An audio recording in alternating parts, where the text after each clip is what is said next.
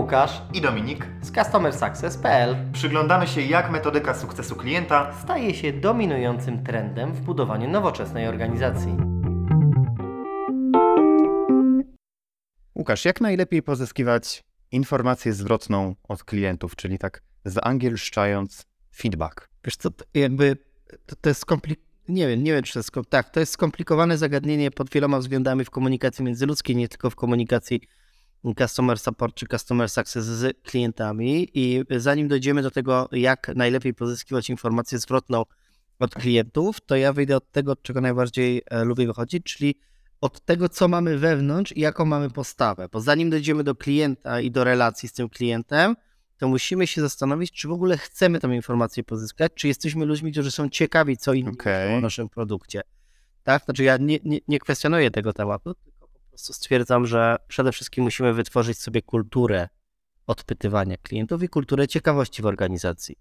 A czemu mówisz, że to jest skomplikowane? No pół osób się tu może teraz odezwać. Walisz NPS, Net Promoter Score, pytasz się, czy poleciłbyś nasze rozwiązanie nie wiem, znajomym, kolegom z pracy i tak dalej od 0 do 10 i, i nara. Co tu jest skomplikowanego, ci ktoś powie? Z mojego doświadczenia, zwłaszcza przy takich szerokich NPS-ach, gdzie szerokich w sensie, że mamy dużo zwrotek od klientów, to, to mam dwa takie zawsze zastrzeżenia do tego, jak ludzie pracują, jak sam czasem pracuję z całym feedbackiem. Po pierwsze, bardzo często jest tak, że gdzieś psychologicznie wyłapuję to, co już wiem i to, ku czemu się skłaniam w feedbacku. Czyli klienci na przykład mówią, co nie działa w moim produkcie i ja wiem, co nie działa. Ale ty już lepiej sam wiesz, co nie działa. Dokładnie. Okej. Czyli takie aktywne słuchanie w tym feedbacku przede wszystkim, a nie nastawianie się na konkretne odpowiedzi na pewno. Mm, Natomiast pojawia się jeszcze jedno pytanie, jak, jak dużo pytać?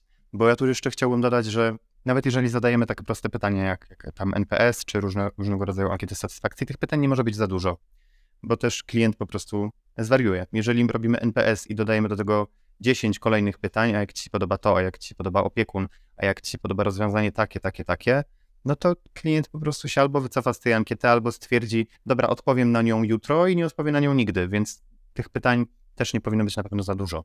To zdecydowanie, zwłaszcza, że te pytania, e, znaczy pytania pytaniami, ale odpowiedzi przestają być doniosłe, tak jak mówisz. I to one przestają być doniosłe i dla klienta, i dla ciebie. Odpowiada zdawkowo, ty zdawkowo je czytasz i nic z tego nie, nie wynika, prawda? A co sądzisz o ocenach w ogóle liczbowych? Bo ja trochę mam tu takie zdanie, trochę jak w edukacji, że one są, o Kant wszyscy wiemy czego rozbić, dlatego że one nie, każdy, każdy co innego rozumie przez, przez daną liczbę. Na przykład ja często, jak dajmy na to oceniam filmy, to mówię znajomym, dobra, dla mnie 5 to jest punkt wyjścia, czyli ten film nic ze mną nie zrobił, nie było ani dobrze, ani źle.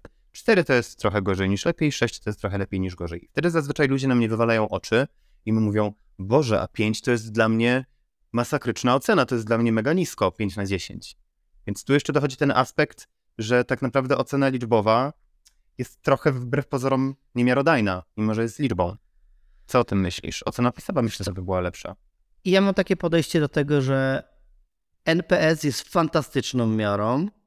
No tak, jest uniwersalny, są benchmarki, Tak. I cały świat go używa. ale NPS to nie jest skala 1 do 10, tylko to jest NPS. To jest określona metodyka, to jest, to jest 0 do 10, ale chodzi mi o to nawet nie jaka to jest skala, tylko po prostu to nie jest to samo, co na IMDB 0 do 10, czy tam 1 do 10 ocena. Ach, tak, tak, tak, to dobrze tylko to jest określona metodyka. To jest ważne, kiedy zadajesz to pytanie, w jakim kontekście. Nie możesz go zadawać po rozwiązanym Za często. tylko tak. Musisz się dobrze zastanowić, czy chcesz zrobić NPS ongoing, który cały czas leci, czy robisz badania raz do roku. No, jakby jest bardzo dużo ciekawych rzeczy, o czym nie wiem, Piotrek Sadowski z Łobankiety bardzo często mówi. Jak zrobić NPS-a dobrze? Mało kto go robi dobrze, ale coraz więcej firm. I jeszcze się pojawia pytanie w ogóle, jak na niego zareagujesz, bo to, że ty poprosisz o ten feedback, to jest jedno, ale jeżeli klient ci wrzuci 6 i nie zostawi komentarza, no to pasuje nawet spersonalizowaną wiadomość pod tą ocenę, nawet, że 7 na przykład, 7 jest magiczną liczbą, ale 10 jest jeszcze lepszą, prawda? To co możemy zrobić, żebyś dał nam dziesiątkę następnym razem? Więc jednak to pozyskiwanie z tego NPS-a potem tej oceny opisowej właśnie, czyli już tych szczegółów, wydaje mi się o wiele cenniejsze, bo samo to, że mamy benchmarki, że to jest tak globalnie na całym świecie używana metryka jest super, ale ważniejsze wydaje mi się jeszcze to, co potem z tego wyciągniemy. Albo na przykład jak Customer Success Manager zrobi taki follow-up i dopyta, To raz, to raz. Tak, więc ten praktyczny aspekt jest fantastyczny, co powiedziałeś. Ten praktyczny aspekt jest fantastyczny. Ale też bardzo praktyczną rzeczą związaną z NPS-em jest to, że możesz z niego zrobić KPI dla zespołu. I to jest bardzo trudny i żmudny i niefajny KPI do pracy, ale dla organizacji bardzo, bardzo dobry.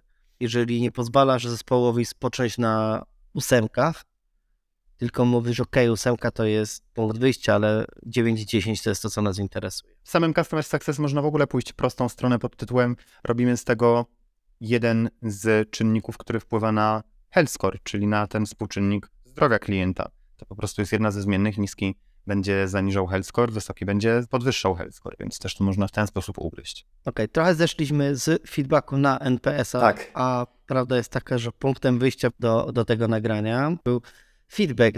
Tak reasumując, myślę sobie, że feedback jest bezcenny w organizacji, po pierwsze dlatego, że wiemy, co klient myśli o naszym oprogramowaniu, czy tam naszej usłudze, ale feedback jest też bezcenny w organizacji dlatego, że pozwala motywować zespół menedżerów i producentów tak, do tego, żeby, żeby jednak e, ulepszać produkt. I tutaj zaparkujmy, a o feedbacku, o zbieraniu informacji myślę, że jeszcze nieraz porozmawiamy.